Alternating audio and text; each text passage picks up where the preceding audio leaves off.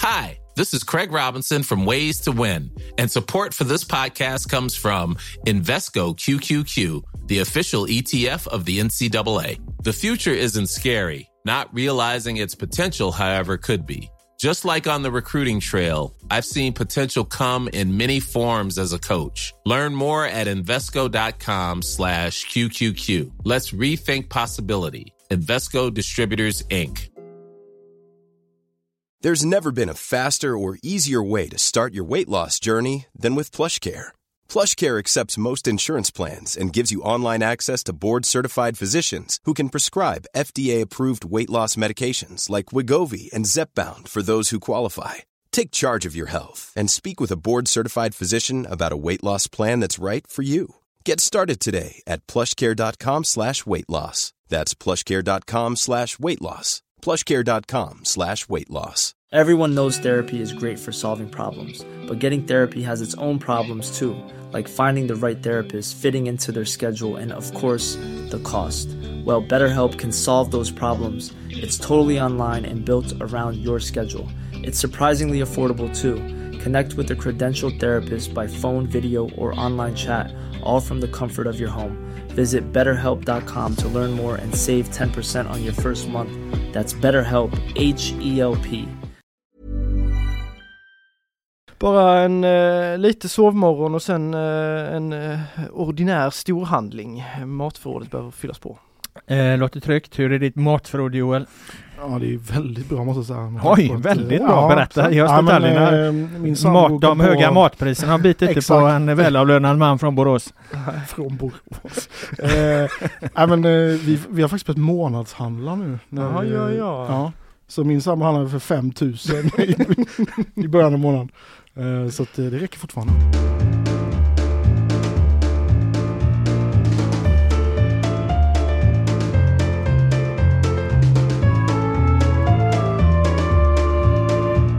Hej välkomna till Laul med vänner, GPs fotbollspodd som fokuserar på fotboll i allmänhet och fotbollen i väst i synnerhet. Idag har jag med mig två fotbollsvänner, Filip Troler, Joel Besseling. Vi sitter i stora studion, nya namnet har satt sig och mössan är på Filip. Alltid på, inga konstigheter. Joel, du fick vaska Elfsborgs U21-match. Det tog hårt på dig för att du skulle kunna vara med här idag. Ja, det var dålig planering från Elfsborgs sida. Mm. Eh, men jag, Skyller allt på Elfsborg? Ja, och att jag ser det som en eh, stor ära att vara här. Mm, härligt. Vi har ett våldsamt späckat körschema idag nämligen. Vi ska kasta oss över det alldeles strax, men jag vill börja med att tipsa om vår livepodd 27 mars. Ett samtal om svensk damfotboll, superettan och allsvenskan. Medverkar i panelen gör bland annat, hade vi tänkt, IFK Göteborgs tränare Micke Stare. Han är ju inte kvar längre. Det blir väl Alexander Tengryd istället. BK Häckens Per-Mattias Högmo, om han är kvar i landet.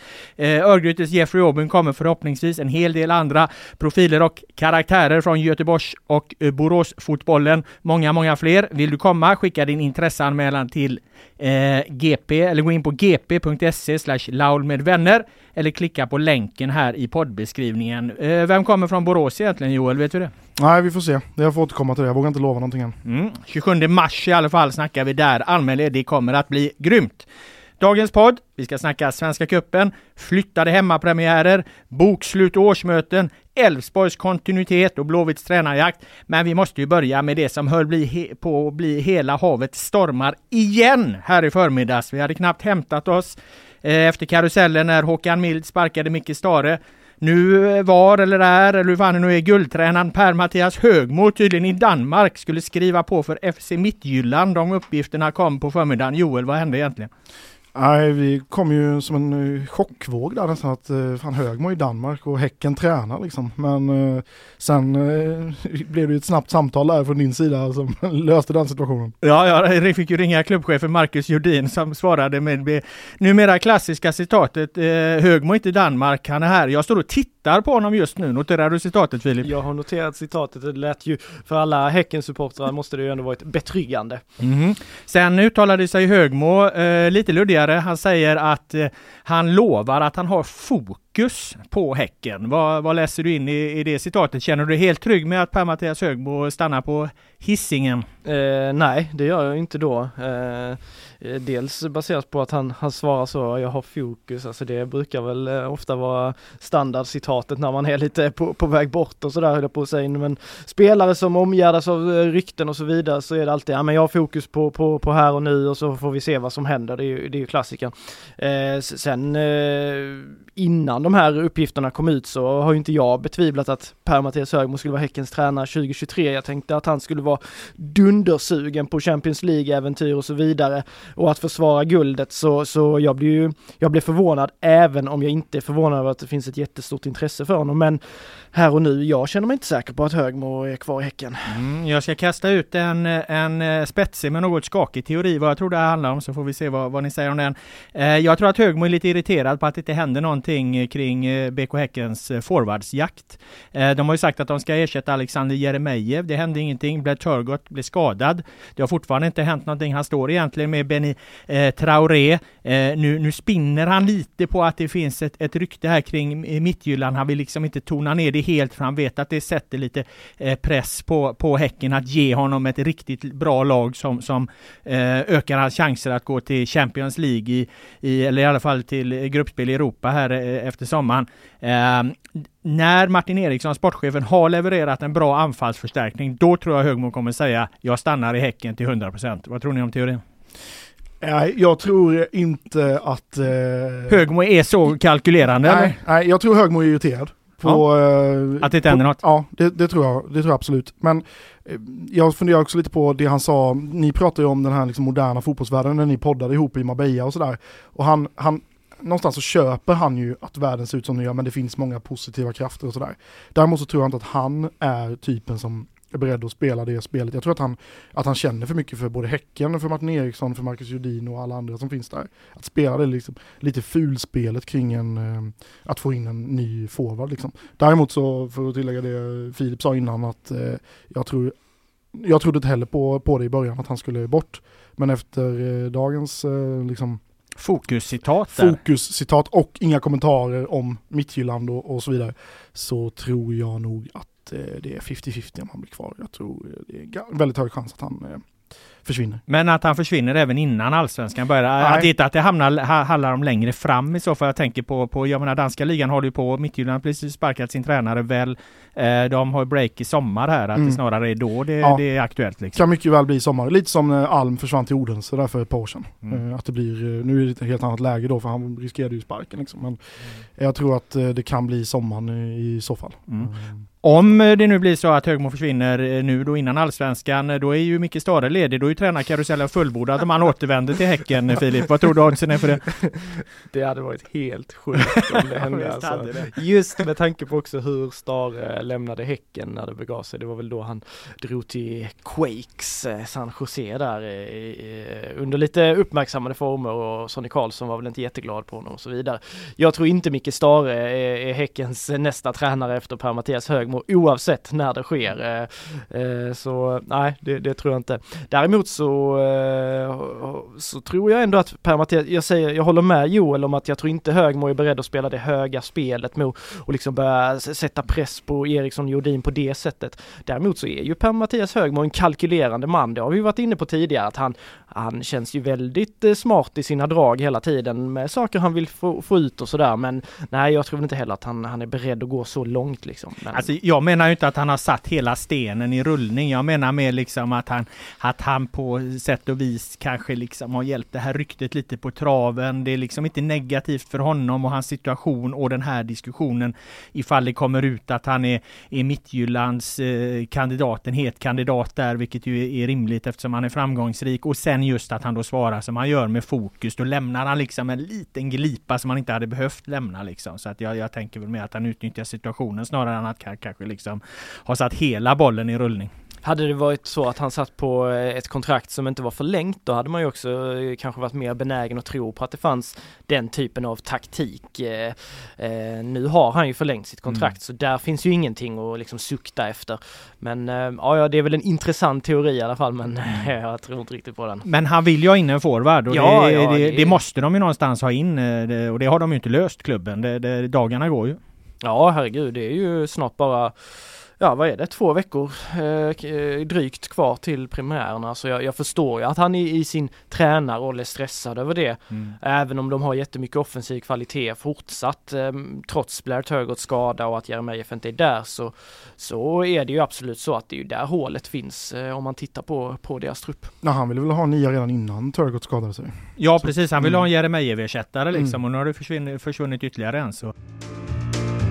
Det leder oss in på, eh, på Häckens nästa match kan man väl ändå säga, alltså deras kvarts, kvartsfinal mot eh, eh, Djurgården i Svenska Cupen till helgen här hemma på Bravida. Eh, och det är också vårt första ämne här i vårt mer ordinarie körschema då. Eh, för vi börjar ju med det hela fotbollssverige egentligen fokuserar på just nu, eller i alla fall de som är intresserade av den här delen av fotbollen. En jäkligt, ett jäkligt häftigt exemplar av Svenska Cupen. Vilka matcher det har varit, vilka kvartsfinaler det egentligen har varit här nu. Djurgården, Malmö, otroliga dramatiken på, på straffar. Vi hade Stockholmsderbyt, AIK, Hammarby fullsatt. Eh, Eh, på Tele2. Häcken Norrköping. Häcken utklassar ju Norrköping på Bravida där och så var det ju dramatik mellan eh, Kalmar och Mjällby också. Vad, vad fastnade du för Filip? Eh, jag fastnade väl eh, allra mest för eh, två saker. Dels då att Häcken städar av Norrköping, ja men på egentligen i slutändan fullständigt liksom. Och så tänker man på vad Norrköping gjorde med, med IFK Göteborg då eh, veckan, veckan innan. och så kan man inte låta bli att tänka tanken hur hade det gått om det hade varit Blåvitt som hade stått där? Eh, hade kunnat bli massaker. Men eh, annars så, så, så, var det jag fastnade på mest eh, faktiskt Djurgården MFF en riktigt, riktigt bra fotbollsmatch tyckte jag. Eh, så här tidigt på säsongen. Eh, en första halvlek där Malmö egentligen körde över Djurgården och sen en andra halvlek där Djurgården körde över Malmö och sen var det mycket, mycket dramatik Eh, sena mål och, och det, det, vände många gånger. Christiansen brände straff och sådär. Men det var högklassig underhållning verkligen och jäkligt roligt att se att eh, kuppen eh, lever. Inte bara då att det finns ett stort intresse för de här slutspelsmatcherna utan också att det är kvalitativa fotbollsmatcher så här tidigt. Mm, jag håller med om det att det var väldigt hög kvalitet i den fot fotbollsmatchen.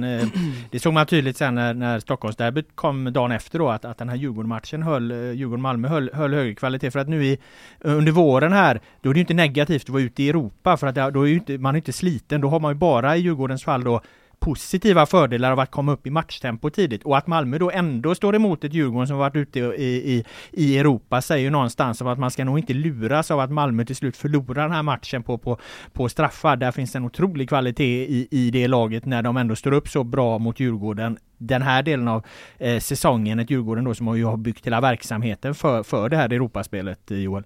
Ja, är Rydström eh, pressad nu eller?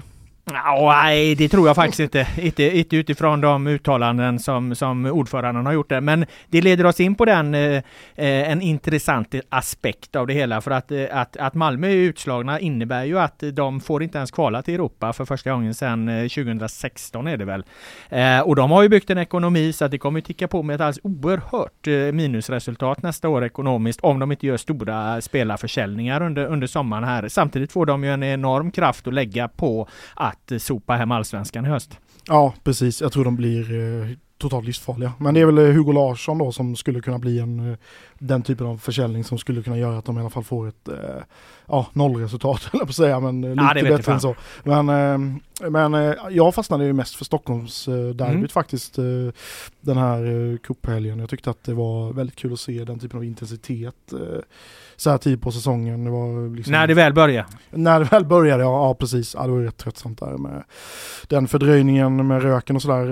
Men jag tyckte att ehm, den liksom kamp alltså Al-Hakim, domaren då, Mohammed Al-Hakim som dömde, han tillät ju liksom extrema dueller. Det var ju faktiskt ska jag också säga, ett par röda kort som borde ha delats ut i den matchen.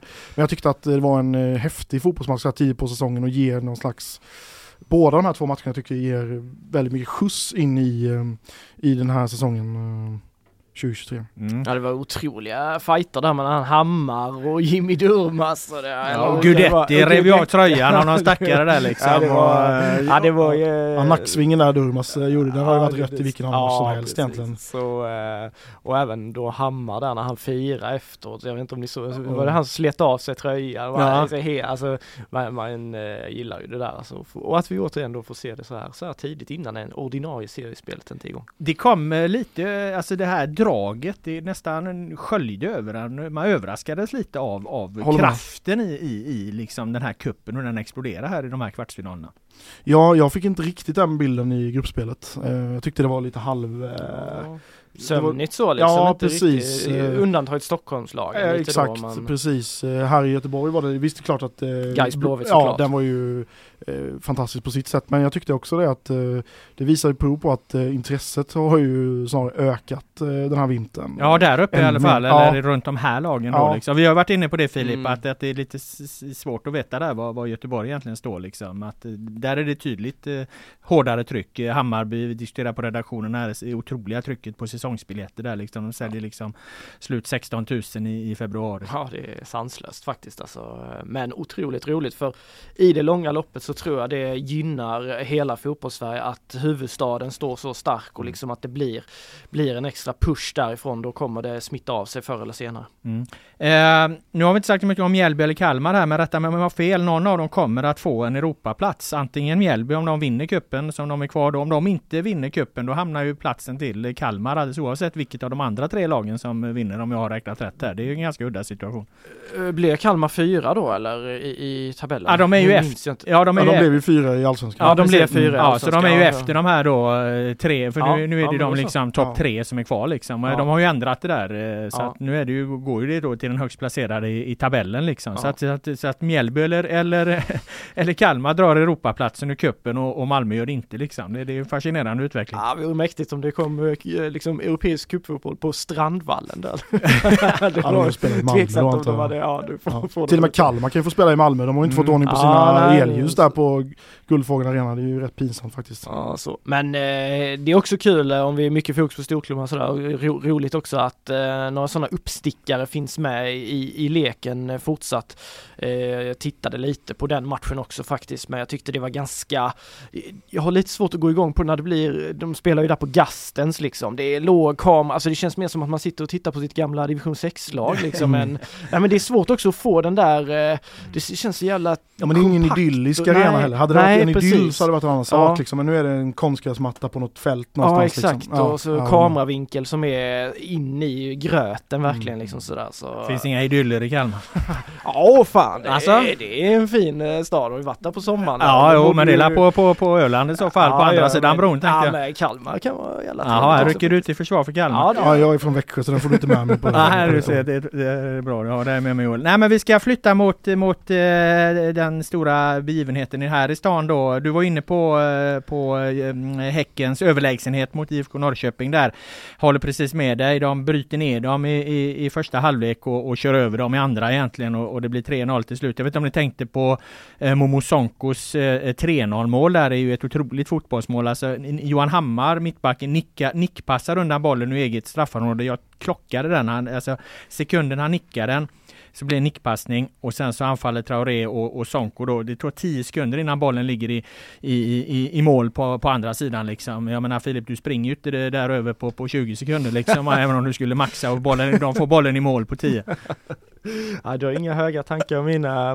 om ditt löpsteg? Jag var en snabb jävel när, när det begav sig, men ja. nu hade jag nog inte matchat det. Nej, det håller ja. jag med. Ett fantastiskt fotbollsmål, absolut. Och också tycker jag delikat avslut av Sonko. En liten eh, lätt chip liksom över målvakten, perfekt. Eh, så otroligt behärskad ut. Han är ju faktiskt ett litet utropstecken måste vi ju säga hittills. Den här våren ja. ja. absolut. Så man blir jäkligt sugen på att se vad han, eh, han kan nog eh, ja verkligen röja runt i Allsvenskan också tror jag. Han är inte blyg för att prata om sig heller för att eh, efter första, första succén där mot, var det väl J Södra, så skojar ju klubbchefen Marcus Jordin om att han, att han var deras nästa 50 miljoners försäljning. Det höll han ju med om och, och då blev det ju det liksom. Nu kan han säljas för 50. Sen nu efter det här då så sa vi ju du är det dubbla nu. Det höll han också med om så att nu är han 100 miljoners man här. Oh, tänk om han säljs för 100 miljoner och Högmo ändå inte får sitt nya. Då, då, då, blir det liv på hissingen kan man säga. Du tänker på stackars Högmo hela tiden. Ja, precis. Fint av det. Nej men det är väl jäkligt gött med många av de här killarna. De känns ju så väldigt slipade och att man ska vara lite försiktig och, och sådär. Men även om, ja jag gillar det självförtroendet han har mm. där också. Att man vågar ta för sig på, på, på det sättet även vid sidan av planen. Då.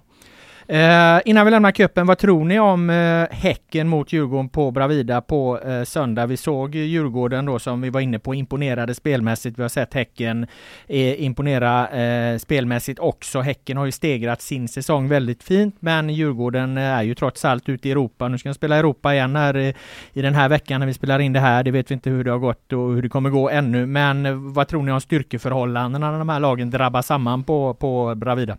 Men alltså, allt det du säger om Djurgården och sådär, de imponerar ju väldigt mycket, de är ute i Europa och, och, och allt det här. Men eh, alltså, helt ärligt, just nu ser inte jag något svenskt lag rubba Häcken i det, liksom, de styrkeförhållanden vi är i nu. Jag säger inte att de kommer vinna allsvenskan för man har sett så många gånger bra cup, mm, eh, mm. kuppresultat, kupprestationer, försäsongsprestationer, inte leder så jättemycket men eh, jag tror Häcken vinner på söndag, eh, eller lördag förresten. Nu blandar ihop söndag. Ja, söndag.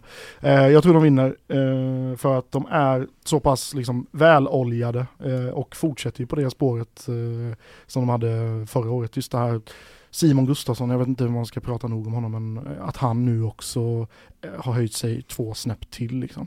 Så jag säger fördel Häcken. Mm. Filip? jag håller med fullt ut eh, faktiskt. Eh, Djurgården kommer ju, även om vi kanske då ser det främst som ett plus det här Europaspelet, men de har ju en riktig urladdning att vänta här då på torsdag kväll mot Lech Poznan där de ska försöka komma tillbaka och hämta upp det här underläget. Eh, de kommer maxa det i slutsålt på, på Tele2 eh, jag kan ändå se att de kommer vara lite slitna efter att ha haft den drabbningen, 120 minuter straffar mot Malmö i, i, i söndags och så, och så den matchen mot Poznan och så ska de möta Häcken som är, som Joel säger, otroligt väloljade och där allting bara flyter fram. Eh, jag tror faktiskt att Häcken kan om, om Djurgården inte riktigt kommer ut med energi så tror jag till och med Häcken kan vinna ganska komfortabelt. Mm, då spelar det ingen roll vad jag säger då eftersom vi har två röster på, på Häcken då. Så även om jag skulle trott att Djurgården eh, tar det här så hade det inte spelat någon roll. Så att jag behöver faktiskt uttala mig. Det leder oss in på vårt nästa ämne eh, som ju handlar om Bravida Arena egentligen. För det tar mig fram vårens fotbollsarena här i stan. Eh, efter alla kuppmatcher, eh, dubbla kuppgrupper som avverkats där. Nu ska ju eh, ÖIS och Geis spela sina Superettan hemmapremiärer där om jag har förstått saken rätt Filip. Och det här gör ju då att blodet återigen svallar hos de här klubbarna. Ja, det är helt korrekt. De, eh, eh för eh, ja, vad, vad, var det, femte året i följd som ÖIS inte kan spela sin hemmapremiär på sin ordinarie hemmaarena. Eh, för Gais del har jag inte det i, huvudet exakt hur det har varit men det är, det är många gånger samma sak upprepar sig och jag eh, eh, jag kan inte annat än förstå de här klubbarna fullt ut alltså. De blir ju behandlade som kattskit liksom. Och varje år blir svaret att ja men vi ska från Gotevent då att vi ska sitta och ha, hitta en långsiktig lösning, en hållbar lösning. Men ni kan ju inte säga det varenda år och så går det ett år så är vi på samma plats igen. Det får ju finnas liksom lite konkreta saker att ta på. Eh, så jag förstår dem. Eh, det är eh, många som blir drabbade, framförallt när det definitiva beskedet, även om jag förstår att man kanske jobbar med mattan och så vidare, inte kan lämna det definitiva beskedet eh, förrän nu. Eh, men det blir ju för supportrar som planerar tifon, för klubbarna som ska organisera det här premiären, kanske allra helst för superettan-klubbar av eh, ÖIS och Gais dignitet så är det eh, utöver derbyt är det den stora publik matchen för säsongen, eh, möjligtvis någon gratismatch och sådär. Eh, och det blir ett jäkla roddande och det är också en ekonomisk aspekt där, där, där jag förstår det som att, som att eh, båda förlorar intäkter på det här. Dels att folk kanske inte är lika, stor benä lika benägna att åka ut till Bravida som de är att gå på Gamla Ullevi, men också med partners och grejer. Det är mycket som ska roddas som jag, jag tror att man inte tänker på, så det är nog... Och så har Häcken kioskintäkterna också, har vi lärt oss. Ja, det har vi också lärt oss den här vintern. Nej, men så det är en jäkla apparat det här och jag, återigen, jag förstår deras eh, frustration till fullo. Eh, men eh, ja, fotbolls-Göteborg ska ju samtidigt vara otroligt glada att vi har Bravida, för det har ju varit eh, det är ju räddningen för den här soppan. Ja, men, men alltså kan man, kan man prata om det här utan att, att, att gå till våldsam, eller rikta våldsam kritik egentligen mot, mot Gotivent? Jag menar, det, ju, det kan ju inte komma, det kommer inte som en överraskning för någon att vädret är åt helvete i, på de här breddgraderna vid den här tiden. Eh, det är då komplicerat med, med, med gräset och få det hållbart. Men vi åkte, alltså mänskligheten var ju på månen, när var det? 69 liksom, alltså det går ju att ha en gräsmatta som klarar att spela på, på i april, för det fungerar ju på, på nordligare breddgrader och på andra ställen om man sköter det på ett extremt bra sätt och planerar för det. Det måste ju gå menar jag liksom. Om, om man verkligen liksom eh, eh engagerar sig. Okej, okay, man kan bli tagen eh, med överraskning och så här, men du är inne på att det här är liksom upprepas ju år efter år, år efter år, så att det måste vara fullständigt misslyckande av Gotivent att inte hitta en bättre lösning på det här eller? Ja, nej men jag, jag håller med dig till 100%. Sen är det naturligtvis så, Gamla Ullevi, inget snack, det är den mest belastade gräsmattan vi har i. Det är, skillnaden här är ju att det är tre klubbar plus ett damlandslag som ska, ska vara och köra på den och jag vet ju om damlandslaget har ju en, en match där den 11 april tror jag. Ja, de möter Norge. De möter Norge där ja. ja. Eh, och då är det väldigt, väldigt viktigt att den ser, ser så fin ut som den kan och då så skuffar man lite bara ÖIS och Gais. Blåvitt flyttar man inte på för att mm ja, de motiverar ju det med att det är serietillhörighet då, eh, Jutbring där på, på, eh, på Gotevent, Henrik Jutbring motiverade så i alla fall. Eh, jag tror snarare det handlar om att eh, de, de har större supporterskara och att det är ännu större eh, apparat att flytta på dem. Eh, dessutom så är det väl så att gräset sås om på, på, på Stora Ullevi. Jag vet inte hur färdigt det är eller var, var det ligger någonstans men jag tror Blåvitt hade ju inte kunnat flytta en premiär till, till Bravida exempelvis, så det är liksom en icke, eh, det blir ju en icke-fråga då. Men återigen, det blir jätteorättvist och jag tycker det är under all kritik att de inte löser det och är det, är det en resursfråga då är det ju faktiskt de som är liksom staden som är ansvariga att vi, vi måste ju ändå behandla alltså så viktiga aktörer i, i, i Göteborgs eh, näringen på, på ett respektfullare sätt än så här. Mm. Jag har ju föreslagit länge och tycker att alltså, det finns ju någonstans en eh, eh, eh, underlag för en bra arenasituation i stan. Man har Bravida med sitt konstgräs, man har Gamla Ullevi och man har eh, Stora Ullevi. Bygg om Stora Ullevi till en, en renodlad fotbollsarena, för det är ju det här det handlar om. Då hade man kunnat ha Blåvitt och eh, eh, damlandslaget där som ju hotar med att flytta till Stockholm emellanåt, för de hävdar att de växer ur Gamla Ullevi också. Då har du de som spelar där och så har du ÖIS och Gais på, på Gamla och så har du Häcken på, på Bravida. Där är ju, där är ju saken ur mitt perspektiv löst Joel. Ja, sen ska du ha in i det perspektivet då också med alla konserter eh, som drar in eh, Ja men de kallar kör konserter lik förbannat då, då kanske ja. Blåvitt får spela någon match mot eh, typ eh, Mjällby eller något på, på Gamla Ullevi liksom som inte är så het om det nu Bruce Springsteen ska dit den 29 juni eller vad fan det är. Så att jag menar det måste väl gå också tänker jag att ha kvar konserterna. Ja. Skicka väck här friidrott och grejer som ju ändå inte är så ofta där. När var VM där Filip? 95? 95 ja, och så ja, EM 2006 tror jag.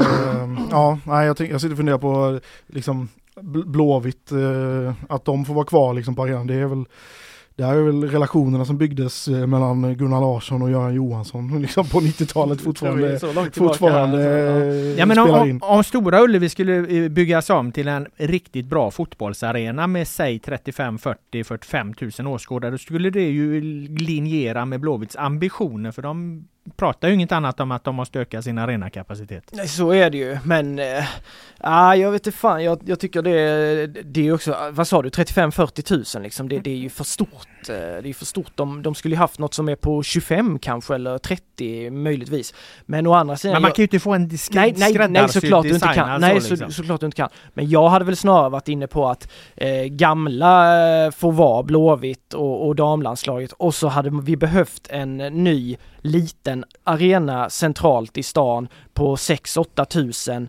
Eh, men där... Blåvitt vill ju inte vara kvar på gamla. De, de pratar ju hela tiden ja, om att de ska ha större jävla ja, arena. Ja, det, det, det är klart att, eh, men jag tycker fortfarande, de har fortfarande en liten bit kvar innan man kan säga att den, eh, att de har växt ur den liksom på, på kontinuerlig basis. Det är klart att eh, skulle det här fortsätta, ja då kanske de kan flytta några matcher till, till Stora Ullevi snarare än att vi då tar Gais och ÖIS som hela tiden hamnar i, i, i kläm med premiär, alltså de blir ju mer Eh, illa behandlad Blåvitt vinner ju ekonomiskt på att flytta till Stora Ullevi, även om de naturligtvis hellre vill vara på Gamla Ullevi. Det är en jättesvår fråga, men jag tycker med tanke på att ÖIS och Blåvitt har damlag som verkligen är på gång, vi kan snart stå med ännu fler eh, elitlag i, i stan. Var, ska de vara? De är på Vallhalla nu, men det, den håller ju inte, och den är ju planen att den ska rivas i den här Eh, ja, det är väl bostäder som ska byggas där enligt den plan som ligger nu och sen är det ju multiarena med hockeyn och det som också är med. Men det, jag tycker i alla fall att det behövs en arena som hade kunnat hålla Gais, ÖIS, ÖIS damlag, Blåvitts damlag eh, plus en, rad andra klubbar som då använder, använder Vallhalla idag. Eh, och på konstgräs då? Tyvärr hade mm. det väl fått bli så. Ja. Jag, jag tycker det är otroligt sorgligt men ja, det, mm. Det är väl så skulle jag säga. Mm. I Borås då med Elfsborg där har man väl någon form av motsatt situation där. Där ska man väl skärma av eh, etagen på, på Borås Arena eh, för att skapa en, en eh, bättre stämning för dem som trots allt går dit. Ja, de har ju haft svårt och de har ju egentligen bara liksom haft riktigt bra publik tillströmning på sen liksom slutet på 00-talet, början på 10-talet egentligen. Så att, att de har 16 000 på, på sin arena är ju helt meningslöst. Så det blir ju 9 000 hemma boråsare helt enkelt eh, på matcherna plus borta klacken då. Just det, och så mm. gör de någon form av, av Friends-lösning ja. då som uh, har draperier på, på, på, uh, som täcker av, skärmar av helt enkelt. Övre tak på ena långsidan ja. Mm. Mm. Deppigt. Ja lite, men ja. eh, vi får Nej, men se. Alltså, jag fattar ju, det har ju sett otroligt deppigt ut när, när man har suttit och tittat på Elfsborgs hemmamatcher. Det är ju liksom en ocean av tomma platser så jag förstår ju att man vill göra något men Fan alltså Elfsborg att de inte kan steppa upp alltså. Ja. Ja. Nej men historiskt, vi har ju dem ett tag där i början på 2000-talet eh, och då när de vann guld eh, in med Jögge och sådär, vad var det, 2012? Då var väl publiksnittet ofta mellan 8-10 tusen liksom. Det finns annat att konkurrera med idag men samtidigt kan ju andra klubbar säga också. Liksom. Ja. Men det är, det är, ju inte bara Borås som har problem det här med det här. Det är ju även liksom städer av eh, deras storlek, Kalmar, Norrköping förra året. Ja, också ja. lite tuffare liksom. Medan det går åt helt andra hållet i storstäderna. Mm. Där mm. bara ökar och ökar intresset liksom. Mm. Kolla på Blåvitt och kolla på Stockholmslagen. Mm. Men eh, ja, det finns ju ett extremt stort fotbollsintresse i Borås. Frågan är bara hur Elfsborg ska lyckas kapitalisera på det. För just mm. nu känns det som att City, PSG, Liverpool, United och det lockar eh, lite mer än att gå på match eh, Tragiskt. Mm. Men samtidigt lyckas ju Häcken öka från sina då relativt små eh, nivåer men procentuellt så är ju deras ökningar, eh, ökning ganska, st ganska stor. De har ju nästan 5000 i snitt nu. Det är ju deras bästa någonsin. Eh, jag vet inte, går, börjar de gå upp till liksom 6-7 tusen så blir det plötsligt en ganska bra siffra då. Liksom. Ja precis, ja, men låga tal från början som du sa men också en organisation som är lite större och jobbar lite mer aktivt eh, med de här frågorna. Älvsborgs organisation är ganska liten och de behöver liksom fokusera på en sak i taget så att säga inför varje år om man säger så. Hårt, mm. hårt draget. Och eh, de har inte lyckats eh, attrahera tillräckligt mycket publik, även om eh, Stefan Andreasson tycker att eh, man ska mäta liksom, publiksnitt per invånare i staden. Och då, är liksom, då tycker han att, eh, ja men är det 16 000 i i Göteborg eller 17 000 så det är samma som det är 6-7 tusen i Borås liksom. Ja en viss poäng har han väl i och för sig ja, men det kan ju inte, man kan ju inte nöja sig med det liksom. Nej, Nej det går inte. Fler lag i storstäderna mm. också, hur ska du då ja, liksom eh, precis. dela upp det ja. och så, Nej, men han vill ju alltid hitta något ja, jo, litet så, sånt. Så, så, så, är det ju. Men, uh... Jag vet inte om vi löste arenasituationen i den här delen av världen eh, på den här debatten, men eh, eh, en bit på vägen kanske. Eh, vi befinner oss i den tid då eh, fotbollsdemokratin blomstrar som allra bäst. Vi talar ju om eh, bokslut, de ekonomiska, det är motioner eh, och det är årsmöten. Och jag jag måste säga att de här årsmötena de, de, de lever ju verkligen, även om de inte är jättevälfyllda, eh, så är det principiella frågor som engagerar, debatteras och, och, och, och, det röstas om dem. Det är min känsla Filip i alla fall. Jag, jag vet inte hur du har, du har väl varit iväg på ett par och bevakat ett par årsmöten här nu i dagen? Ja, jag var på ÖIS årsmöte först och sen var jag på Gais årsmöte måndag kväll här. Mm. Eh, Eh, och jag håller med dig. Eh, det har ju inte varit några vi ska Inga folkfester Nej, inte, men, det, men... det ska vi ju verkligen inte påstå för då är vi snett på det. Det var 95 medlemmar på Gais årsmöte. Det är ju en tragisk siffra måste jag säga. Eh, det var ju ett riktigt busväder och... Det var inte utomhus va? Nej det var inte utomhus men Roland Blomstrand, ord, ordförande i Gais, han, han, hade det som en förklaring, tänkbar förklaring till att det var så få. Sen är det ju också att det har varit ganska lugnt i Gais, mycket uppåt sådär. De har haft något medlemsmöte innan och, och så vidare, kanske tagit, tagit eh, liksom vad, vad, säger man, de har um, Eh, ja men föregått eh, det som ska sägas på årsmötet sådär. Eh, I ÖIS fall var det 112 medlemmar. Det som ändå är glädjande, i fjol var det i alla fall om det var ÖIS årsmöte, då var det inga motioner alls. I år hade vi motioner på både, både ÖIS och, och GAIS så det blev lite, lite debatt, inte så värst mycket men lite där på ÖIS som om, eh, om ett par frågor och, och, sådär. Så jag tycker att eh, det var väl VAR-frågan som de, eh, det är ju andra klubbar som har, har tagit ställning ty, tydligt där tidigare. Nu har ÖIS också gjort det. Där röstades det ju ja då till att de ska eh, aktivt motverka ett införande av VAR i, i svensk fotboll. Så de sållade sig till en redan rätt så gedigen skara. men nej, jag tycker alltid det är trevligt att komma på de här och även det kan vara lite träigt och sådär de där liksom genomgångarna av, av ekonomin och så. Men fan det är bra, det, det är ett bra forum där, där folk i klubbarna får se varandra och man får en direkt chans som medlem att du kan bara dra ut din fråga till ordföranden, högsta hönset, inga problem, det är ju fantastiskt. Mm. Eh, på Blåvitts årsmöte tror jag det var, det var lite fler va? Det var ja, uppe mellan 200, 200, ja, uppemot 250 ja. där. Eh, eh, häcken har sitt årsmöte på, på, på imorgon i förhållande till när vi spelar in, spelar in det här, alltså eh, torsdag. Det är lite intressant där, du nämnde VAR-frågan där, den har kommit upp på många årsmöten. Den kommer upp på Häckens årsmöte. Eh, där har eh, styrelsen avslagit supportrarnas motion, men det verkar som att supportrarna har, har köpt den här mellanvägen vägen som Häcken då har svarat med att de, de, de ska aktivt verka för att flytta flytta eller att det här beslutet om var tas på representantskapsmötet där elitklubbarna liksom har, har majoritet då så att, så att det får avgöras på rätt plats. Och vad jag förstår liksom så, så har motionärerna då även om de var liksom i ganska skarpa i sin, äh, i, i, sin motion, de, de köper det här då. Men vi får väl se liksom det, om det blir en strid om det här då att, att styrelsen trots allt ändå avslagit och kommit med ett, med ett eget förslag då som är lite mjukare som jag, eh, som jag upplever det på IFK Göteborgs årsmöte Eh, så dominerar ju, eh, eller i alla fall det som har kommit ut i, i media efteråt, då var det den här motionen kring att man ska motverka spelreklam. Den blev väl också egentligen också av, eh, den slog, styrelsen avslog den men kom med en, med en annan lösning som motionären i fråga då eh, gick med på. Så, så där har man ju exempel där det, där det är brinnande och in, intressanta frågor. Hur har det varit i Elfsborg? Jo men det var eh, årsmöte igår, tisdag, som jag var på. Eh, det var nästan 200 röstberättigade där. Men då var det en hel del spelare också. Mm, både herr och damlag mm, och, mm. och sådär. Jag tycker för att det, det är fint att eh, liksom, eh, spelarna får komma dit och liksom lära sig vad en, en, hur föreningsdemokrati fungerar. Liksom. Det, var, det är fint, jag håller med dig också om att Eh, intresset är ju inte jättehögt alltid, som vi pratar om 150-200 pers eller mm. 90, men eh, jag är alltid imponerad över engagemanget som finns i de här föreningarna. Mm. Liksom. Att det finns folk som är beredda att som skriva motioner, ställa sig på en scen inför 200 pers som man kanske inte är så bekväm med och prata för sitt eh, förslag. Liksom. Tycker jag är väldigt fint. Um, men och där ja. på, på Älvsborg kom väl mm. den här eh, 30 mils frågan upp. Den var ju uppe på Blåvitt också. Och ÖIS också. Och ÖIS också, mm, ja, mm. precis. Alltså, ja, Förklara. Ja, eh, 30 mil, eh, max 30 mil till bortamatcher på vardagar helt enkelt. Det är ju en, eh, en motion organiserad av SFSU, supporter ehm, eh, unionen där, fotbollssportunionen från början. Eh, och eh, deras ordförande Isak Edén är ju Elfsborgs supporter så han var uppe och pratade för sig. Men styrelsen ehm, avslog just den delen av motionen. däremot så kommer de så föreslog, fanns det även ett förslag om att eh, matcherna som är ska läggas på fredag, lördag, söndag, liksom veckoslut istället för måndagar och så.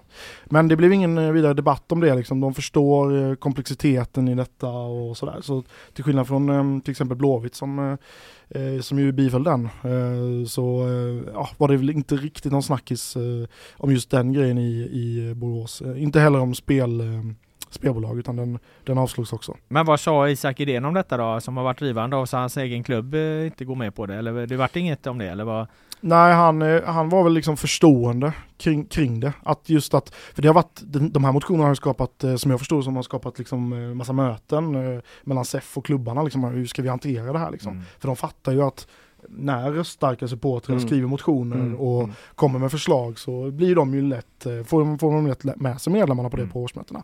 Um, men då eh, var han nöjd med de konstruktiva, som han sa det, diskussionerna som har hållits eh, innan detta då. Mm. Jag tycker eh, ÖIS och Blåvitt, båda de hanterade väldigt smart. De mm. gjorde bara en liten reservation från styrelsens håll då att där de förklarar att ja, men det är inte klubbarna som bara bestämmer utan det är myndigheter och det är framförallt då tv-sändande bolag. Men annars såg de inget problem med att Precis, bifalla den. Exakt. och ÖIS och Blåvitt gjorde exakt likadant där och det blev ju naturligtvis då det gick ju igenom, eh, medlemmarna röstade ju för det och eh, styrelsen har ändå inte satt sig på tvären sådär utan då har man visat att ja, vi, vi är med på det här, vi fattar eh, ert perspektiv och, och, och vi ska göra vad vi kan men vi kan inte göra allt liksom. Man, Mm. Ja, de löste det smart så. Ja, Elfsborg var lite mer byråkratiska, om man säger så. Mm, ja, precis. Lite ja. mer, ja. Jag tycker att eh, spelbolagsfrågan, att den börjar komma upp är jävligt intressant också. Att eh, det, supportrarna slog ju bakut mot, eh, mot det här, vad är det, Unibet? Då, hemmaklubben. ja precis, mm. hemmaklubben. Och det har de fått göra om då hela det här. Eh, för att det, det var ju ett sätt liksom för Unibet att eh, man skulle rösta på sin klubb. Eh, men då fick man registrera sig också för Unibet och, och att, man, att man lockas in i spelbolagens klor den vägen då. nu var det ju då ett hur, hur en enskild förening då, IFK Göteborg i det här fallet, ska förhålla sig eh, Eh, till den här massiva mängden då eh, spelreklam som är i, i, i samhället. Det, alltså det där är ju en jävligt sund debatt Um, för det är klart att, att spel finns och så, men hur liksom aktivt ska, ska liksom de här medlemsstyrda fotbollsföreningarna egentligen vara en del av, av, av den verksamheten som leder ju till misär och, och spelproblem för, för mängder av människor. Det, det, den är jävligt intressant alltså. Ja absolut, eh, verkligen, eh, verkligen sätter fingret på någonting och, och det har ju nästan varit lite, lite halvt otäckt att se, eh, även om jag förstår klubbarnas perspektiv, för det har funnits lite kulor att dra in där om man kommer högt i, i den där hemmaklubben. Men det var lite så här eh, desperation nästan på ett otäckt sätt mm. eh, just i slutfasen. Ah, jobba in er nu, kör på liksom, rösta, rösta på, er, på ÖIS då eller vilken klubb det då har varit. Eh, så, jag håller med dig, jag tycker också det är väldigt sunt tror jag att, att den här frågan blir lite berörd i alla fall för det har ju bara seglat på här i alla år känns det som utan, utan att det blir ifrågasatt ordentligt. Ja precis, jag menar ja, Elfsborg drog in 23,7 miljoner tror jag i liksom SEF-medel medel förra året. Då är ju även Discovery-avtalet eh, inräknat. TV-avtalet ja. Exakt. Eh, men det jag inte riktigt, eh, ja, jag, de pratar ju om att ja, men, eh, samarbetar vi med, eh, i det här fallet Unibet då, så har vi chansen att påverka det här. Ja, hur bra gick det förra året med den här hemmaklubben liksom? Ja visst var det så de ville ha det. Ja, jag, mm. jag tycker, jag tycker, precis som du säger, alltså föreningar, idrottsföreningar, mycket större ansvar tycker jag de ska ta i eh, de här frågorna. Mm. Håller helt med dig där. Eh, du nämnde även en ekonomisk siffra där. Det leder oss in på eh, nästa ämne på dagordningen, ekonomin, som ju hänger ihop med de här årsmötena såklart. Egentligen alla allsvenska klubbar här i vårt bevakningsområde då har ju redovisat ganska bra resultat för, för eh, 2022 då. Eh, och min bild av, av det är ju övergripande som en, en liten ingress till det här ämnet då. Det är att eh, BK Häcken har ju ryckt ifrån eh, IFK Göteborg och IF Elfsborg sett i omsättningen då, alltså den totala eh, mängden pengar som man drar in, en omsättning på 260 miljoner kronor. Samtidigt gör de ett plusresultat, litet förvisso, men de är ändå lönsamma. Eh, trots att de har två lag då där det ena tar guld, herrarna, och det andra tar silver och det kostar ju liksom att ha en verksamhet eh, som har en guldpersonal så att ehm, eh, sportslig framgång och även en, en, en, ekonomisk framgång då går ju linje i linje. Det är ju inte så att de har tömt ladorna för att, eh, för att nå den här sportsliga framgången. Det ska man ha med sig. Ehm, eh, samtidigt eh, Elfsborg, Blåvitt, de är inte i närheten av den här omsättningen. De ligger på Eh, omsättningar som är runt 100 miljoner lägre, gör helt okej okay resultat, men får ju då sportsligt inte ut mer än en, en sjätte och en åttonde plats för det, Elfsborg sexa, Blåvitt åtta. Vilket är rimligt någonstans sett till storleken på ekonomin och vad de då därigenom kan lägga på, eh, på personalkostnaderna.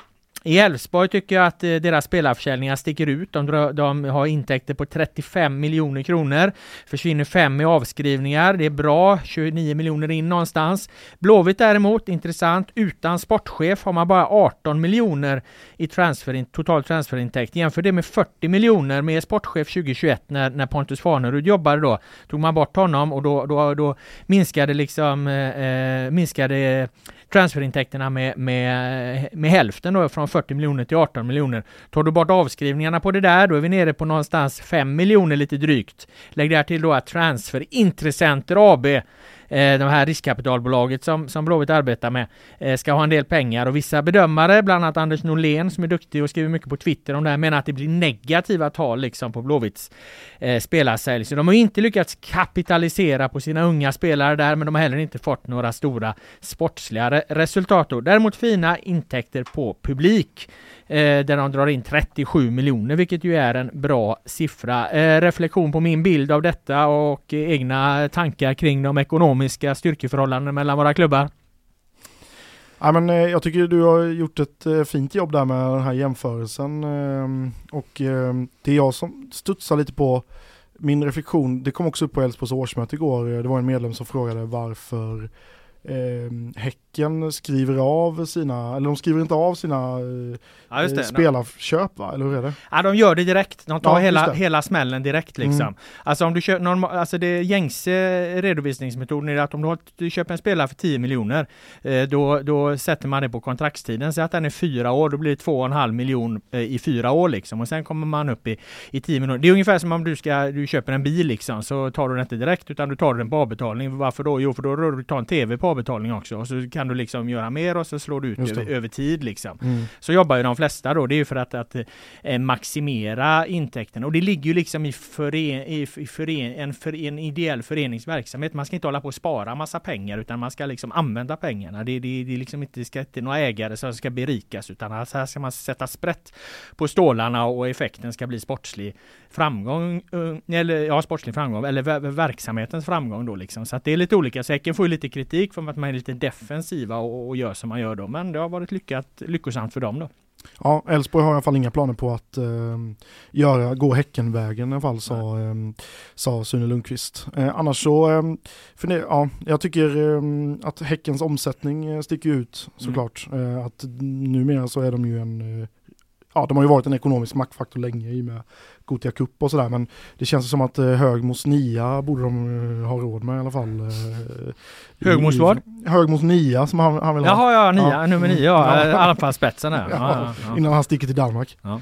Ja. Nej men annars så, ja det är bra ekonomiska resultat för alla klubbar. Mm, ja, vä ganska välmående. Alltså, vi har ju varit med länge Filip och vi vet ju att ibland har det varit ekonomisk kris och, och, och så va? och då, då, då är ju situationen totalt annorlunda än vad den är just nu. Nu är de ändå liksom, eh, även om, om som vi är inne på här att, att Elfsborg Blåvitt lite läg, ligger lite lägre än Häcken så är det stabila eh, ekonomier och alla våra tre föreningar i Allsvenskan här egentligen. Ja absolut. Det, det, det är liksom ingen fara på taket någonstans och, och inga enorma smällar eh, någonstans och det kan man ju faktiskt säga om superettan, även om det är en mycket mindre skala så så eh, Utsikten vet vi ju inte för de har inte sitt, eh, de har inte sitt årsmöte förrän mitt i sommaren och, och sådär. Så, så där har vi inte fått någon riktig kläm på, på siffrorna. Men när det gäller ÖIS och Gais så Gais gjorde ett litet plus på 13 000 tror jag någonting.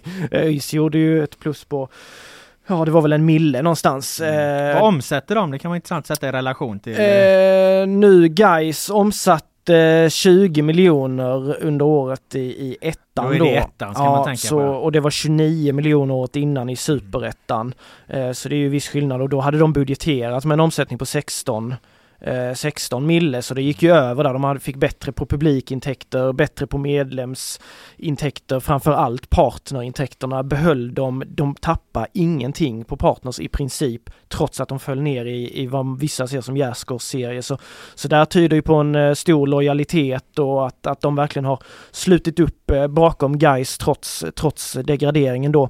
I ÖIS fall så omsatte de 35 miljoner nästan eh, eh, Eh, ja, 35 mille och det är, det är ju såklart, det är ju enorma skillnader mot, eh, mot de allsvenska klubbarna och, och, kanske då ganska stora aktörer som vi har här med Häcken, Elfsborg och, och, och, Blåvitt. Mm. Men eh, sen ska man ha med sig också att SEF-bidrag och så vidare, det är ju på helt andra nivåer än eh, när, när du kommer upp i allsvenskan än vad det är i, i superettan och, och du har helt, ja men alla, alla, alla intäkter stiger ju väldigt mycket i, i allsvenskan med publik och, och partners och där så ÖIS och Gais hade ju legat betydligt högre om de hade varit i Allsvenskan naturligtvis. Så är det ju. Eh, det man då ska ta med sig när vi ser liksom det du redovisar där liksom omsättningar runt 30 miljoner på eh, ÖIS och Gais och så har du i, i IFK Göteborg Elfsborg fem gånger så mycket, mm. eh, fem gånger så högt. Ytterligare 100 miljoner upp, upp kommer Häcken mm. som i sin tur inte är i närheten av det som Djurgården, Hammarby här har redovisat nu. Djurgården omsättning på, på runt 350 miljoner, 100 miljoner i vinst tror jag de gjorde. Eh, jättehögt eget kapital. Eh, Hammarby eh, lika stora tal utan att de har varit eh, ute i Europa. Och så har vi Malmö då som är ännu större än, än vad, vad Djurgården, Hammarby och AIK är liksom. Så att det, det, det, det, det, det, det, alltså, det är enorma ekonomiska ja, är skillnader enorma. Som, som egentligen pågår i den här tiden av våra liv liksom. Ja. Som, som någonstans ja. kommer visa sig när man sammanfattar allt i en historiebok om, om tio år liksom. Hur, hur saker och ting, vad, vad som händer här nu när det börjar komma in så oerhört mycket mycket pengar i fotbollen men det koncentreras någonstans till de största och mäktigaste klubbarna. Det, det är klart ja. att det kommer få på effekter på många sätt. Liksom. Naturligtvis och det är också där uppe bland dem, det är ju de som gör de största försäljningarna. Alltså nu ÖIS lyckades ju sälja Aydin Selkovic till Värnamo och deras totala transferintäkter var väl nästan 6 miljoner. De fick ju pengar, solidaritetsersättning för Jens Kajust också. Eh, och det är ju en jättefin eh, siffra i en superettan-kontext men de måste ju, det är ju så svårt för de här superettan-klubbarna att, att kunna sälja. Det är svårt för de mindre allsvenska klubbarna att kunna sälja. Det är jättarna som gör de här och de gör ju jätte jätteaffärer nu liksom. Det var ju ändå Hugo Larsson vad, vad ryktades där om, om 100 mille nästan till Bournemouth om han hade bestämt sig för att gå.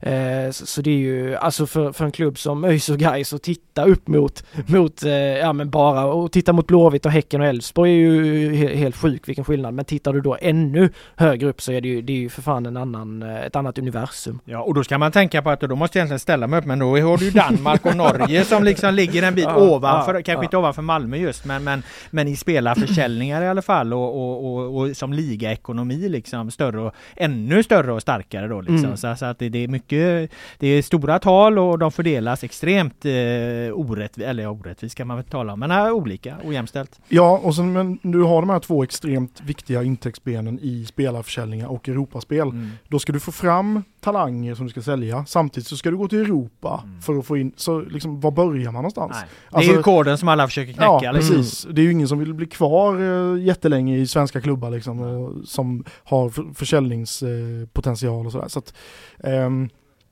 talangutveckling satsar många på liksom för att få in de här uh, 20-30 miljonerna per år som gör att man får ett plusresultat liksom. Men då stannar ju, kommer du inte till Europa då så stannar ju, stannar det där vid eh, 130-140 miljoners omsättning. Liksom. Och det leder oss in på hur skall man då lyckas eh, för att överprestera mot ekonomins lagar i en modern fotbollsvärld om jag får ta till lite högtravande uttryck här.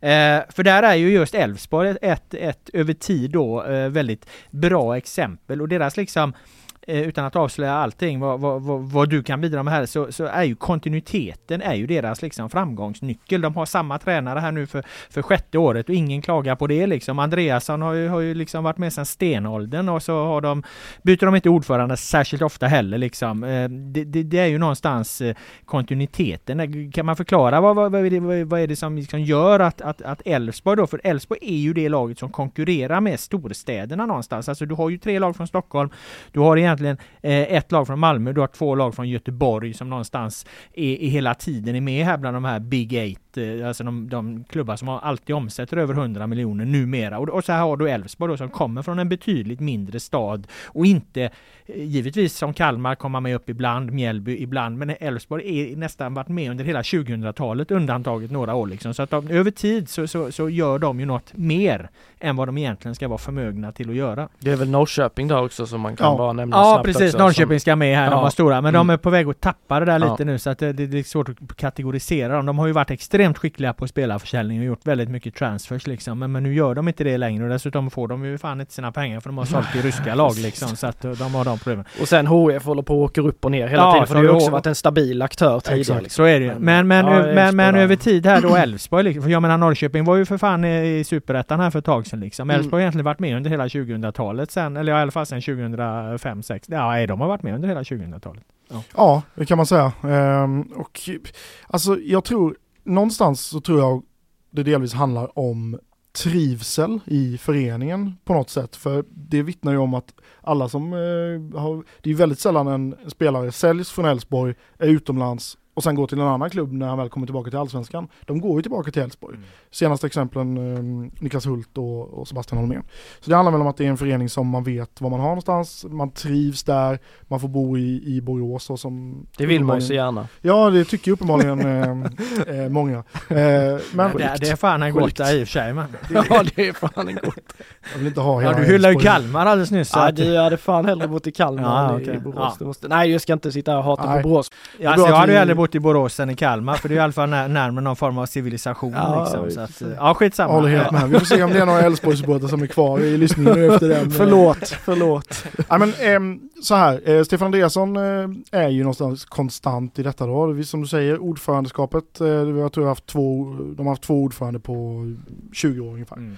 Ehm, och styrelsen för mig eh, sticker egentligen ut ännu mer. Eh, för där har du en eh, åtta ledamöter som har suttit i 93 år tillsammans. Nästan ett helt sekel, det är 11,6 år i snitt på styrelsen.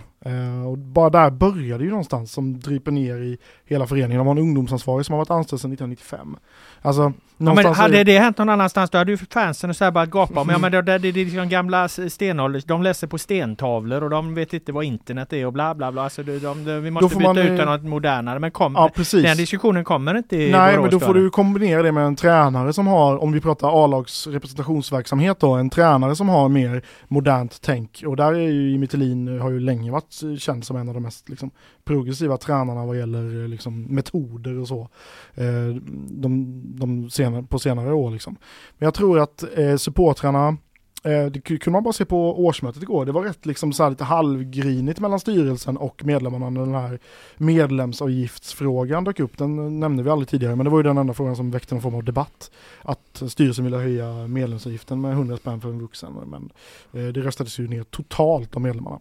Men ändå liksom efteråt där så presenterar valberedningen förslag på liksom 2023 års styrelse och alla röstar ju ja för det liksom och sådär. Så man är ändå nöjd med hur det hur det går och så. Jag menar, kolla nu på pengarna, liksom ekonomin här, eh, ett bra resultat. Så att, eh, den här kontinuiteten, jag tror att, eh, jag skrev det också i mina fem punkter inför årsmötet, att eh, det är inte bara liksom på gott att den här 11,6 år i styrelsen, jag tror att de hade behövt lite mer liksom nytänk, just med tanke på att fotbollsvärlden förändras så otroligt mycket för varje månad som går känns det som. Mm. Så att, eh, men eh, det är klart att eh, när det gäller liksom ordförande, klubbchef, tränare så är ju den kontinuiteten, jag ser inget negativt med det. Ehm, eh, Sune Lundqvist pratade jag med vid något eh, tillfälle där. Han nämnde liksom att, att eh, apropå Blåvitt som sparkar Stare här, att, att eh, ehm, visst, absolut, om det blir krav liksom på att Jimmy Thulin ska gå och så, så visst, han, kan, han sparkar honom, men då får ni flytta på mig först. Alltså att, att han som ordförande menar på liksom att där kliver du fram liksom och så du är den högst ansvarige. Eh, ska, ska det bli tryck på att en tränare ska gå då får ni plocka mig först liksom. Alltså någonstans i, i, där, där tycker jag det är ganska sunt liksom synsätt på det, eh, hur, hur man liksom eh, skapar en, en trygghet i en organisation tänker jag. Ja, men jag tror att, eh, jag tror att Jimmy Tillin hela tiden har känt ett väldigt stöd. För det, nu var det ju, de första två åren var det tufft för honom och sen mm. var det ju faktiskt i somras så det hände ju att supportrar stod vid bussen när de kom tillbaka från bortamatch och liksom ville ha svar och sådär. Thelin var rätt pressad. Mm. Men då löser Stefan Andreasson det genom att han går ner på träningen. Um, journalister är där och vill ställa frågor om uh, Thelins framtid och sådär men han bara städar av det liksom. Han går ner, skyddar honom. Mm. Uh, de har liksom investerat så pass mycket i Jimmy Thelin, han har kontrakt över 2025. Um, och vet väl värdet i att skydda honom för så var det var ju lite tuffare liksom innan Thelin kom med Magnus Haglund, det var rätt stökigt slut på det. Mm. Uh, otroligt missnöje i spelartruppen och, och sådär. Uh, och då kanske de kände att de inte riktigt fanns där för honom. Um. Vad tror du Filip? Tror du det handlar om människor? Om, säg så här, vi gör ett experiment. Uh, vi säger att Thelin Eh, Andreasson, Lundqvist hade lett Blåvitt. Hade den trion kunnat stå emot liksom det trycket som blir i en storklubb liksom? Eller, eller är det liksom ändå någonstans, bottnar det här någonstans i att det inte är riktigt samma tryck på verksamheten i, i, i en förening som Elfsborg som det är i till exempel Blåvitt? Det är klart att de hade varit eh, ännu mer ansatta men jag vill ju ändå hävda att Elfsborg är ändå en klubb där, eh, som Joel vittnar lite om, alltså där det finns eh, stora krav och ett eh, enormt engagemang också. Det är ju flaggskeppet i, Brå, i Brå som ändå är en, är en stor stad. Så jag tycker snarare det handlar om, eh, om starka personligheter som verkligen, eh, och det har jag ju suttit och hyllat i den här podden förut, att, att det de har gjort, att de vågade stå emot och, och hålla fast och att och jag tror också det är så nyttigt för för fotbollsvärlden, för supportrar, för oss i media, för alla att se att trots att tränaren har alltså verkligen hängt på repen, alltså han har ju, när de förlorar mot Oskarshamn där, alltså det, de är ju, han är ju nästan på dödsbädden där som Elfsborgs tränare. Men att man ändå kan ta sig ur det och liksom på allvar hålla fast vid det och nu känns det som att Elfsborg är på, på en jättebra plats igen. Eh, det tycker jag är, det är jäkligt eh, nyttigt och jäkligt intressant och eh, så jäkla starkt av de som, som leder den föreningen och, och så som Stefan Andreasson är så länge han har varit med. Eh, så jag tror att de hade hållit emot bättre än vad Blåvitts ledning hade gjort om, om vi nu skulle tänka oss en sån switch liksom. Ehm, och det du säger om snitt Eh, hur länge någon sitter i styrelsen sådär, håller med om att det är bra att förnya sig lite grann. Men du tar ju fan alla dagar i veckan hellre det än den, eh, det kaos som det har varit i IFK Göteborg med, med folk på ledande positioner som bara försvinner hela tiden, alltså i parti och minut. Ut, in, en ny, alltså det är ju pinsamt att se.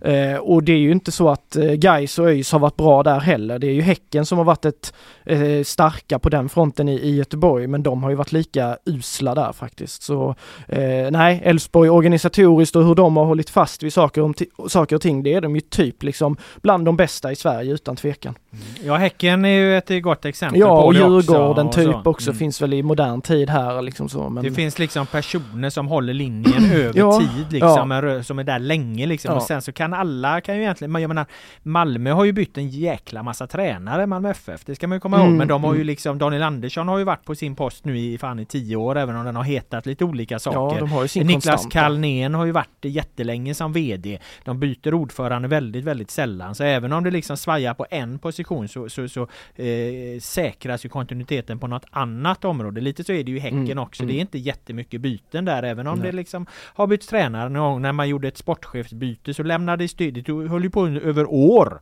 Ja, och lämnades det, över ja, ja. liksom. Jag vet inte hur länge Martin Eriksson gick bredvid Sonny Karlsson som hade varit där i, sedan tidernas begynnelse liksom. Så att det är klart att, och eftersom de här eh, föreningarna då någonstans Elfsborg som vi pratar om, Häcken, eh, överpresterar mot, eh, mot då det jag kallar ekonomins lagar, då måste ju kontinuiteten då alltså betyda någonting tänker jag. Ja, absolut. Och sen tror jag också eh, just med det här med press och ansatthet och sånt. Eh, min bild är att eh, det finns ett, liksom ett engagemang bland eh, de mer, lite mer högljudda eh, supportrarna och ett intresse som har gjort att de förstår att eh, klubben är väldigt liksom, ekonomiskt välmående med Jimmy Tillin som tränare för att han är hjälpt bra på att hitta spelare. Mm. Och allt det här liksom att man såg inte riktigt den kortsiktiga lösningen och så ser de väl också att vem ska ersätta honom? Vem, de fattar ju att uh, han har bytt ut hela laget, det är han som har satt prägel på liksom hela mm. den sportsliga verksamheten. Bytt ut det, ja då är det ju två år bort. Mm. Då, mm. liksom, de går inte till, de får inte SM-guld med en ny tränare efter första året. Liksom. Det var så otroligt svårt att se. Där Blåvitt egentligen står nu om man vill förändra ett nytt tänk. För ja. nu är det ju Stares trupp Exakt. Liksom, och det är Stares assisterande som, ja. som ska göra det. Tar du in en, en tränare som står för något helt annat, ja då är det en jävla process med att riva upp kontrakt och grejer. Sen kan man å andra sidan nämna att eh, Per-Mattias Högmo vann SM-guld efter, ja, säsongen 22 påbörjades ju bara ett halvår efter han kom dit liksom. Mm. Men då värvade de 12 nya spelare. Mm. Han fick ihop det jävligt snabbt ska ja. ju sägas. Men det var ändå 12, under det året värvades det 12 liksom. Och många fullträffar också där. För det, ja, det kan ju vara en sån faktor som då kan rädda upp ett, ett haveri när det gäller eh, hur man har satt ihop det och att man då skiftar.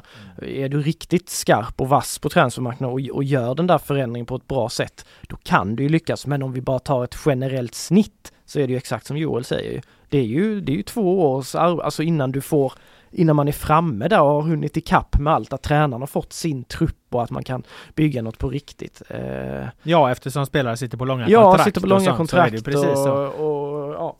Så. Andreasson, Stefan Andreasson, klubbchefen där i Elfsborg, han gör ju en intressant grej. Det är ju att han kliver in och bestämmer liksom att det, om vi, om Elfsborg slutar åtta så är det inget misslyckande utan det är i linje med ekonomin så att vi kan sluta åtta. Det är inga problem. Det får ni bara acceptera liksom, är ju hans budskap hårdraget till hela Borås. Ja, och där kan man väl tycka att eh, nu, nu får ju liksom Blåvitt eh, väldigt mycket skit för att eh, liksom Håkan Mild har stått fast vid eh, liksom topp tre ambitionen liksom. Ja, men, även efter han sparkade ja, Stare så är det ja. fortfarande topp tre liksom. Alltså det är ju för mig hål i huvudet men, men ja. Ja, nej, men det är, jag, jag kan väl känna att eh, hade jag varit Elfsborgs eh, supporter så jag hade inte tyckt att det varit så jävla kul att sluta sexa varje år liksom. Men sen får du de här säsongerna när du träffar lite rätt. De kom tvåa 2020. Vad innebar det? Ja, det innebar eh, en kvalrunda nere i Moldavien, en i, i Sarajevo och en i Rotterdam mot mm. Feyenoord liksom. Det kan man leva på ganska länge. Mm. Det drar dessutom in, in pengar och sådär, men det är klart att den där tiden är lite förbi när Elfsborg liksom toksatsar ett år. De gjorde det 2013 efter att de vann guld. Mm. Då tog de in Mohamed Bangura och satsade sten på Champions League. Liksom. Det, och det, där har man ju lärt sig, det är än idag. Jag skulle säga att de positiva resultaten Elfsborg visar upp, det är en av konsekvenserna efter liksom, 2013. Mm. Eh, bra, vi har suttit här en timme. Vi har eh, lite drygt till och med. Vi har eh, en punkt kvar på vår eh, dagordning om vi ska tala, eh, årsmö- göra en liten årsmötesreferens. Eh, den är inte så våldsamt avancerad och att den tangerar det vi har varit inne på lite tidigare. Det handlar om IFK Göteborgs eh, tränarjakt. Vi la ju hela förra avsnittet på att diskutera att Micke Stare var sparkad, så det behöver vi inte prata så mycket mer om. Eh, däremot så, så är det ju nu så att Alexander Tengryd och William Lundin leder verksamheten och jag jag har hört eh, från eh, Eh, eller jag har säkra uppgifter, eller jag har i alla fall uppgifter på att eh, det är vad IFK Göteborg kommer att gå in i säsongen med. Man förbereder helt enkelt eh, eh för att eh, köra med, med Tengryd eh, och Lundin. Man får helt enkelt se hur det går här fram till eh, eh, sommaren. Jag vet inte om det är så överraskande eller inte, men du var inne på det redan förra gången Filip, att, att du, du läste lite mellan raderna att, att man redan när Stade sparkades kommunicerade i den riktningen och nu, nu verkar det faktiskt som att det också blir så. Ja, eh, det var ju först så var det ju att de, ja vi ska påbörja här, leta ny tränare och sådär. Men sen så sa ju Tengri där vid något tillfälle då att ja det beror väl lite på resultat och sådär när, och vad, vad, som sker och öppna lite för det. Sen satt ju jag här och, och, och trodde i, i den podden vi gjorde efter att Stad hade sparkats att, att Blåvitt skulle ha en ny tränare på plats till, till premiären. Eh, så verkar det då alltså inte bli enligt Nej, jag, har inget, inte, jag har inget motbud där Nej, inte enligt vad jag hör. Jag vet inte om du har hört något annat? Nej, det har jag inte gjort. Nej. Så, så, eh, och då är det ju Lundin, Tengryd, då är det ju Stares soldater som eh, mm. ska leda detta vidare. Stare sa ju någon podd där han blev, de här fotbollsmorgonen, vad heter det, uppe i Stockholm intervjuade att Tengryd har ju lagt eh, taktiken till, till 70-80 procent eller vad han sa så att... Eh, ja, ja. Så pass, jo men det har man ju förstått att de har jobbat otroligt tajt ihop och han var väl också, vad jag har förstått, liksom i princip headhuntad av Stare, att det var Stare som ville ha in honom. Så det är ju, det blir ju anmärkningsvärt om de nu, ja vad det kan bli, tre månader här där, där, där de liksom ska lotsa det. Det är ju Stare light då liksom. Eh, sen får vi se, William Lundin kanske flyttar fram sina positioner lite i hierarkin. Eh, men det var ju också en gubbe som Stare ändå var högsta grad involverad i, i rekryteringen så som jag har förstått det. Ja och han är ju också en tränare som är i Stares linje så ja, Troll, de är, Trollhättan ja. var ju kända för det att de spelade liksom eh, på kontringar, omställningar, eh, ja, positioner och raka led liksom. Ja, solitt försvarsspel och ja. allt det där eh, ganska lågt.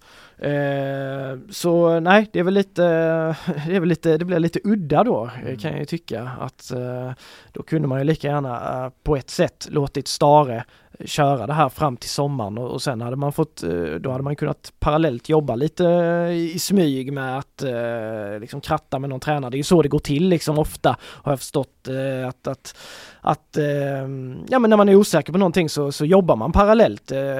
men nej, vi, vi får se. Sen är det klart, ny röst, det blir ändå någon annan där. Stare, man behöver inte lyssna på honom utan det blir som som man fick känslan i alla fall från första träningsmatchen mot Mariehamn att det kommer vara mycket Tengryd som, som låter och hörs och styr. Eh, det kan ju också förändra saker och, och, han får fullt mandat eller han och William får fullt mandat att, att göra vissa förändringar som kanske Stare bromsade. Man vet ju inte det för vi vet ju inte exakt hur, hur de har tänkt i, i detalj och sådär. Mm. Joel, du var i ett eh, tidigt poddin, eh, poddprogram eh, när vi hade med dig inne på att IFK Göteborg såg lite bättre ut än vad de gjorde i förra året.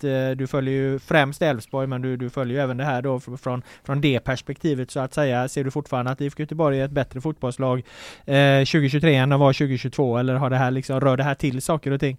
Ja, alltså det, det vore ju synd att säga att de ser bättre ut faktiskt nu. Det får man revidera. Jag för mig jag sa det i, eh, innan första lägermatchen typ. Eh, ja, det var inte meningen att hänga ut Jag tror att alla, alla var lite inne på att truppen, ja, var, truppen var bättre. Ja, men precis. Och, och, och, och, truppen, och, truppen är nog fan bättre liksom. Men, det håller jag med men, även om den ska komma ut också. Eh, även om nyförvärven inte har imponerat sådär jättemycket. Nej, det är ju framförallt tror jag att Berg liksom saknas. Tar du bort ekvationen Marcus ja. Berg liksom som var så viktig för dem så, så, så hjälper det inte hur mycket nyförvärv du än har liksom.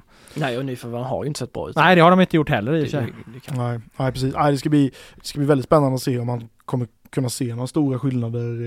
En träningsmatch liksom är lite tidigt liksom, men eh, när väl säsongen börjar eh, hur, eh, liksom, ja, jag tycker, för mig är också bilden utifrån att Tengryd är verkligen Stares person, liksom, att han då skulle tycka något helt annat än vad Stare gjort ser jag som omöjligt med tanke på att han har varit så involverad i, i truppen. Men nu när man har försatt sig i den här, eller ja, jag anser att man har försatt sig i den här situationen, man, man, man har tagit ett konstigt beslut helt enkelt att sparka eh, Stare här, då är det väl nästan klokare egentligen att köra på de här faktiskt tills man har hittat ett helt jävla rätt liksom. Jo. Låt det ta den tid det tar liksom. Det här liksom tränar rekryteringen som görs nu, det blir ju Håkan Mills viktigaste beslut någonsin liksom. Han kan ju liksom inte bomma igen. Stare var ju hans gubbe. Han har redan sparkat en sportchef och nu sparkar han sin egen gubbe. Nästa liksom tränarrekrytering måste ju vara det bästa han gör i hela sitt liv ungefär liksom. För att jag menar, jag menar vad fan, eller, eller? Alla får han ju avgå själv till ja, slut. Ja, nej, nej, alltså, det, liksom. nej för fan jag håller med dig 100% Det var ju mer när jag sa att jag, jag trodde att de skulle ha någon framme till premiären var kanske för att jag tänkte att de hade kommit lite längre hade, i ja. det arbetet. Men jag håller ju med dig till 100%. Det finns inte utrymme för några fler panikbeslut här eller några chansningar. Alltså rekryteringen av Roland Nilsson känns ju så här i efterhand som att ah, Tänkte ni överhuvudtaget eller? Mm. Och han fick väl ett treårskontrakt eller någonting. Eh, Stare rekryteringen kan ju ändå, det kändes ändå som att de trodde att det kunde vara den rätta vägen tillbaka. Roland Nilsson kändes bara 100% panik liksom. Eh, så jag håller ju med, låt det ta tid här, eh, den här säsongen, man ska inte säga att den är förlorad, men den är redan tilltufsad liksom, de kommer behöva jobba uppförsbacke. Sen ska det bli intressant att se, Tengryd sa ju själv när jag pratade med honom att han saknar, han vill ha mer djupledshot i, i den här truppen. Det var en egenskap han, det var den enda egenskapen han direkt på frågan sa, det tycker han saknar. Det finns lite grann, det finns Selvén är, är bra i, i djupet, Kanel är väl hyfsat snabb, Markovic är sisådär. Men det är ju ganska stor brist på snabbhet just på offensiva spelare. Han vill ha sina kanallöpningar Ja men li lite så och de har ju pratar ju väldigt mycket nu om att de här yttrarna de ska fortsätta centrera för att ge understöd till, till två anfallare som han gärna vill ha och sen så ska då ytterbackarna skölja fram. Oskar Wendt är ju ingen som sköljer fram och då har det blivit att man har förlitat sig på Emil Salmonsson hela tiden. Men kan du få in bromsen där han kan komma igång och de kan få det hotet och att de blir tydligare i, i hur yttermittfältarna ska agera. För det känns som att det inte riktigt har varit Markovic tycker jag, han låg ju mer brett än vad han har legat centralt. Kanel är ju duktig när han går från vänster och kan komma in centralt. Eh, men det kändes som att de grejerna är det de har fokuserat på i träningsform i alla fall, av de träningarna jag har sett. Att där handlar det om att få spelarna att förstå vad de vill göra, för det känns inte riktigt som att de kanske har förstått det hittills. Så slipa på det, in med mer fart då kan det ju se annorlunda ut. Vi minns ju alla 2021, hösten, vad hände då? Jo, de tog in Oskar Willemsson i startelvan. Han bara sprang på allt. Helt plötsligt så lossnade hela spelet för Blåvitt. Eh, att ha spelare som vill löpa och vill löpa snabbt utan boll fasen det är ju som alla vet en otroligt viktig ingrediens för att spelet liksom ska flöda på något sätt. Vill du spela med Johannes Selvén då eller unge snabbe eh, kantspelaren? Eller? Ja alltså nu, nu kanske jag har liksom hypat honom lite mycket men jag blev otroligt imponerad av honom. Eh, inte bara den eh, delikatessen han gjorde mot Tromsö utan jag tyckte han såg jäkligt intressant ut under hela det träningsläget. Och jag tycker inte Blåvitt har så mycket att förlora på att spela med honom tills man då eh, har ett bättre alternativ och så att man spelar Markovic på vänsterkanten för han tycker jag ändå har visat så pass Norlin, eh, visst han springer mycket, nu spelar han bredvid Berg och jag kanske mer ser honom som ett alternativ därför Gustav Norlin är ju ingen ytter som är inne och centrerar liksom. Han är ju, han är ju en löpare med ganska begränsad teknik så absolut, ja, jag hade tyckt att Selvén eh, skulle kunna få spela och att man skulle kunna köra Kanel på andra och att Markovic hade fått vara inhoppare men eh, jag tycker att de behöver fart så jag förstår ju Tengri där och Selvén har fart så mm. varför inte? Tänk vad som, händer, vad som händer om eh, Selvén gör jättesuccé och så kommer det transferfönster till sommaren och så förstår alla att de skrev nytt kontrakt med honom i januari men förlängde bara 2023 ut. Så att då kommer de inte få en krona för honom, en jättetalang om han nu skulle göra succé liksom. Det, det handlar ju någonstans,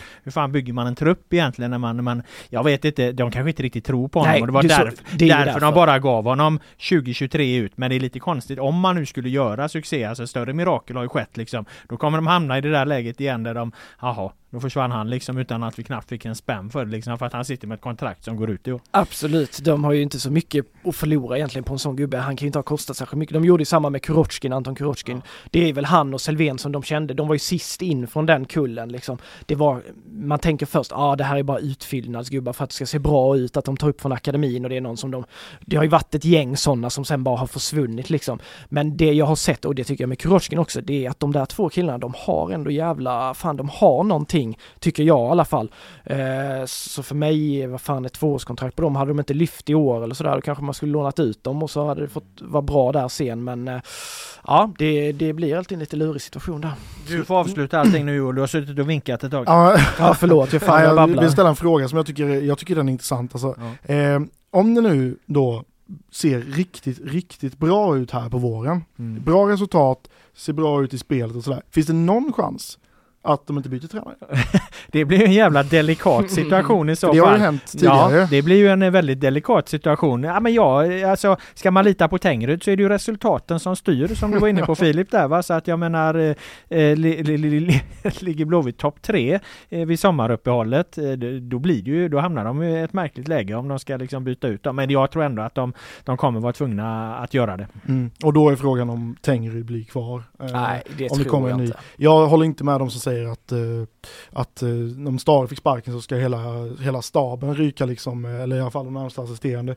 Det är ju en verklighet som inte finns Nej, i Sverige. Nej, det går ju inte. Nej, alltså det, det håller ju inte ekonomiskt liksom. Nej. Men eh, var det inte så i, i Helsingborg förra året att eh, Alvaro Santos och Mattias Lindström tog över som interim jo. efter Jörgen Lennartsson som blev kvar. Liksom. Exakt så. Nu är det ju andra ekonomiska möjligheter i Helsingborg. Nu verkar de väl vara lite ifrågasatta ja, där nu. Precis, så. Men, men, exakt. men, äh... men äh, nej, alltså Problemet är väl om de tar ett ganska tidigt beslut på en tränare men om de inte får loss honom till sommaren och så ser det sjukt bra ut under mm, våren. Liksom. Mm, mm. Eh, det kan också bli en delikat situation. Ja, nej den är, den är intressant. Och, men kommer det en ny tränare då tror jag nog att Lundin har svårt att se mm. att han flyger liksom, äh, ryker. Men Tengryd får nog eh, fasen kanske se sig om efter ett nytt jobb för man kan ju tänka sig att en ny tränare vill ha med någon ass-tränare mm. i alla fall om det liksom ska finnas någon riktig mening, mening med det. Annars får det vara väldigt eh, krattat att de lirar bra med varandra, Tengryd och den nya tränaren för att det ska kunna fortsätta. Men eh, ja, han, han hänger väl löst då. Men det jäklar vad, vad spännande det skulle vara om det gick bra för Blåvitt här och att det ser, ser riktigt bra ut då. då uff, det är ju svår fråga att hantera då verkligen alltså. Mm. Eh, det enda vi vet, eller i alla fall uppgifter på, det är att eh, Alexander Tengryd och William Lundin kommer gå in eh, som tränare för IFK Göteborg den här allsvenska säsongen. Sen får vi se var det tar vägen. Eh, det här poddavsnittet eh, tar eh, vägen mot att ta slut nu i alla fall. Eh, vi har suttit här eh, en bra bit över en timme. Jag jag tackar er eh, för alla era eh, kloka synpunkter och åsikter. Tackar alla som har lyssnat. Eh, Laul med vänner är tillbaka nästa vecka med ett nytt avsnitt. Ha det bra så länge!